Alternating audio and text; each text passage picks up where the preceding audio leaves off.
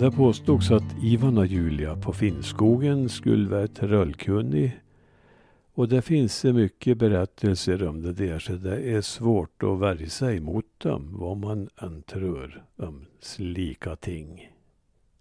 Jag skrev en artikel om henne och när får själv avgör ni som lyssnar på den.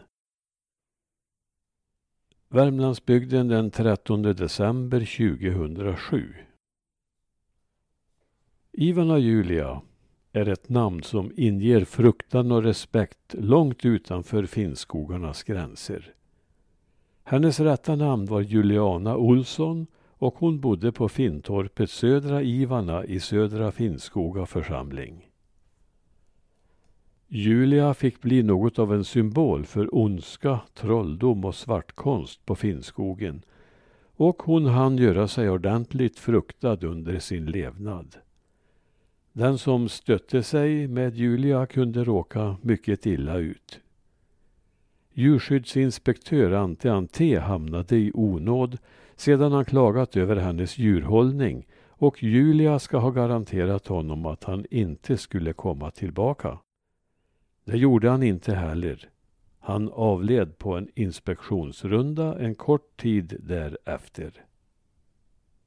Tre huggare från Skrockarberget arbetade nära hennes hem och hon bad dem om hjälp med veden men då förklarade de att de inte hade tid och då lovade hon dem att jag ska nog se till att ni får tid.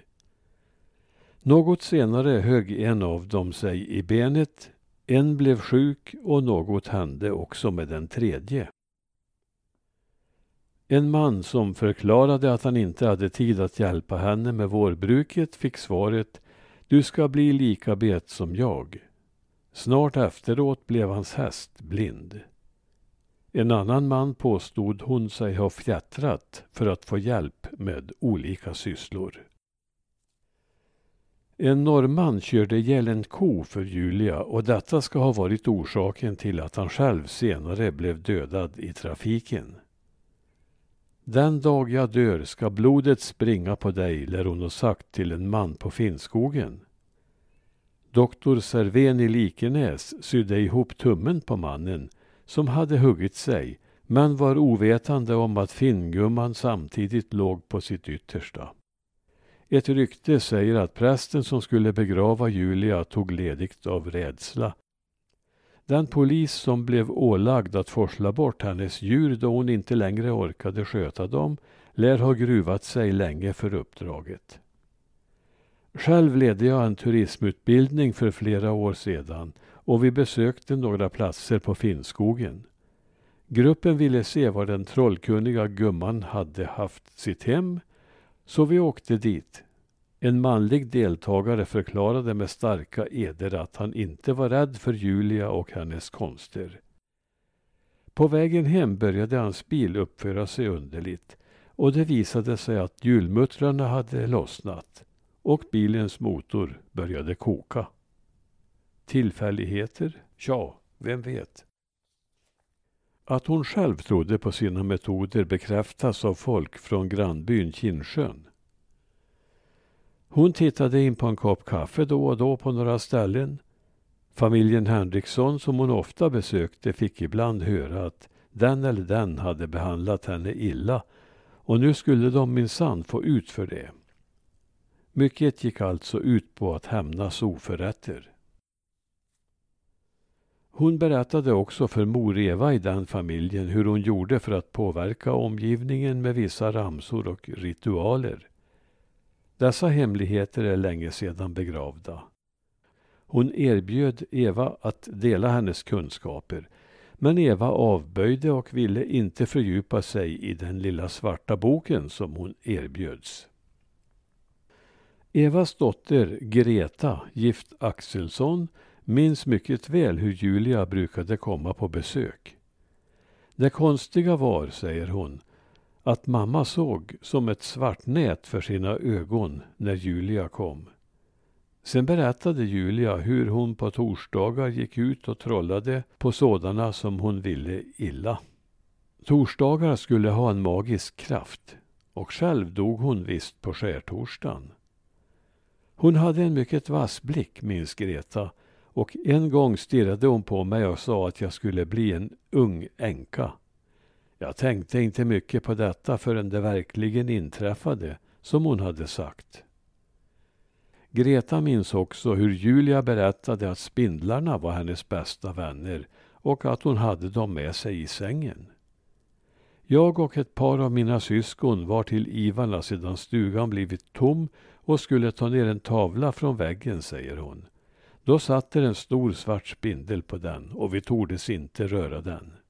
Men en hemsamarit som hjälpte henne klarade hon inte att trolla på, fast hon försökte, för hon var kristen. Där gick hon bet. Något som Greta minns är också att Julia hade många vackra kläder. Finnskogen är full av berättelser om Julias svartkonst och de växer och frodas som finnråg eftersom hon har ansetts som den sista trollkunniga på Finnskogen. Hur mycket som är sant och hur mycket som har växt i den muntliga traditionen lär vi inte få veta. Men Greta är ett trovärdigt ögonvittne bland flera andra. Julias eftermäle borde ändå innehålla mer än dessa grymma historier. Kanske också en förklaring till varför det blev som det blev. En dag i juli månad går jag genom ett gammalt snart igenväxt hygge på väg till Julias gamla stuga. Som sällskap har jag Julias barnbarn Gösta Nilsson från Växjö i Småland. Det är nog inte många som vet att hon hade ättlingar och det är väl jag som finns kvar, säger Gösta. Min mormor Juliana, som föddes 1879 på Springarbacken här i södra Finnskoga, gifte sig med norrmannen Ole Olsen och blev bosatt i Norge. Hennes flicknamn var Jonsdotter, men som gift hette hon Olsen. När hon kom tillbaka som änka till Sverige ändrade hon det till Olsson. Hon var 23 år då hon gifte sig och blev änka efter 13 års äktenskap. Då hade hon fött tre pojkar men bara en av dem överlevde till vuxen ålder. Han var begåvad men hamnade snett i tillvaron och fick inga ättlingar. Gösta berättar vidare på trygg småländska om hur mormodern efter makens frånfälle flyttade hit till Ivarna och där som ensamstående fick en dotter, Jenny, tre år senare. Han kallar hela tiden sin mormor Juliana, vilket var hennes riktiga namn. Vi tränger in i tätare skog och det är inte lätt ens för Gösta att hitta fram. Det som tidigare var öppen mark runt stugan har återtagits av skogen. Snart skymtar vi ett helt hopsjunket uthus och strax intill står resterna av Julianas bostadshus. Här var det öppen mark och vi såg ner till vägen på 1950-talet, berättar Gösta. Vi såg vägen och stenkärnet och tvärs över till Urbanusberget. Vidare berättar Gösta hur han hört att några besökare har känt obehag när de närmat sig torpet. Själva känner vi inte av något sådant, men efter en stund förnimmer vi att vi är iakttagna. Det prasslar mellan granarna ovanför stugan och ett djur rör sig oroligt fram och tillbaka. Det tittar nyfiket på oss. Djuret är stort som en räv men med tjockare svans. Kan det vara en mård? När vi närmar oss djuret försvinner det under ljudligt flåsande. Ett varsel, undrar Gösta, eller någon som ville se vad vi hade för oss. Men rädd är han inte, och rädd för sin mormor var han aldrig. Han var ofta hos henne i sin barndom och har bara positiva minnen. Julianas dotter Jenny, som blev Göstas mor, dog när Gösta var sex år och detta blev Julianas stora sorg. Och givetvis Göstas. Jenny med make Hjalmar Nilsson och son bodde då i Älgsjösätern så nära Ivarna att man såg varandras ställen. Gösta tar mig med till stället, en ännu ganska öppen vall och vi tittar in i det ruckliga huset. Här stod köksbordet. Härifrån har jag mitt bästa minne av mor och far. Det var jul och jag satt här, mamma där och pappa där. Han pekar. Juliana tog mammas död mycket hårt och hon pratade ofta om hur det skulle ha varit om hon hade levat. Mycket kunde ha utvecklats annorlunda om inte detta hade inträffat. Ensam i storskogen levde Juliana med sin saknad. Hon ville gärna ta sig an Gösta men myndigheterna ville annat. Kanske de menade att det inte var lämpligt för en liten pojke att växa upp utan jämnåriga i närheten. Kanske hade de andra tankar. Fadern hade inte heller möjlighet att sköta ett barn ensam och det blev så att Gösta efter en kort tid hos prästfamiljen Jansson i Bograngen hamnade i ett fosterhem i Bjälverud. Det var fattigt men jag fick det bra där, säger Gösta och berättar vidare att han tillbringade somrarna hos sin far Hjalmar Nilsson som skötte kraftverket i Letafors och att han då var perioder uppe hos sin mormor i Ivana. Jag måste ställa frågan till Gösta. Var din mormor en trollkärring? Jag har ju hört berättelserna, säger han, och jag vet inte vad jag ska tro om dem. Men faktum är att jag aldrig märkte något speciellt. Hon tog mycket väl hand om mig och var alltid snäll mot mig och jag hörde aldrig att hon talade illa om någon. Det hände ofta när jag kom dit att det satt folk i stugan och pratade så hon var inte mer fruktad än så. Dessutom hade hon en kar inhyrd här ibland när han hade arbete i närheten. Lövås-Karl kallades han förresten. Jo då, hon kunde till och med skoja och vara rolig. Och så bjöd hon på goda snipper som hon bakade. På södra Ivarna fanns både kor och getter, fortsätter Gösta. Vi var dit på somrarna och hjälpte till med slottern, far och jag och min kusin Lisa. Lövås Karl brukade också hjälpa till. Jag minns att vi skrattade och hade trevligt och jag har bara roliga minnen. Jag kommer särskilt ihåg att far brukade bunta ihop höet och bära in det i ett rep. Och detta rep använde jag ibland som lasso, minns Gösta. Juliana hade aldrig hört talas om lasso, så hon sa till mig att sluta med denna laskokastinga. Jag erinrar mig Greta Axelssons ord att Julia en gång sade Jag skulle tro att doktor Serven gör medicin av mig när jag är död. Detta med Julias skämtsamma sida har helt drunknat i flödet av skräckberättelser. Men det finns grannar som beskriver henne som både snäll och rolig, men lättstött. Man fick inte komma på kant med henne. Men var det inte något med en grannfru? Gösta skrattar. Det har inget med trolldom att göra, det var en ren grannträta. Jo, det bodde en annan kvinna på grannstället Norra Ivarna och dessa två var rena fiender, minns Gösta.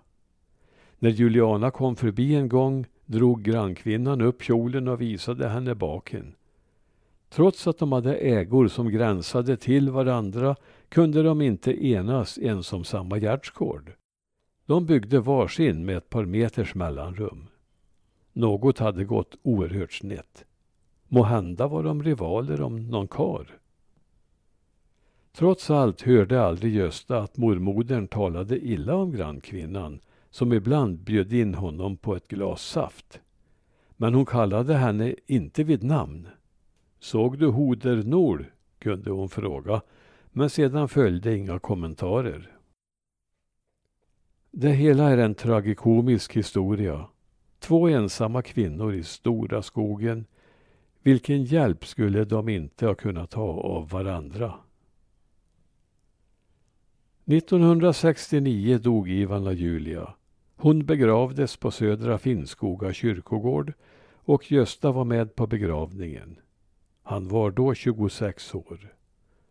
Att prästen skulle ha smitit undan sin plikt av rädsla känner han inte igen. Det var ordinarie präst Holger Jansson som skötte förrättningen. Beträffande Ivan och Julias påstådda förmåga att utöva trolldom har jag inte fått någon klarhet men en mer nyanserad bild av kvinnan har onekligen växt fram under samtalet med dottersonen.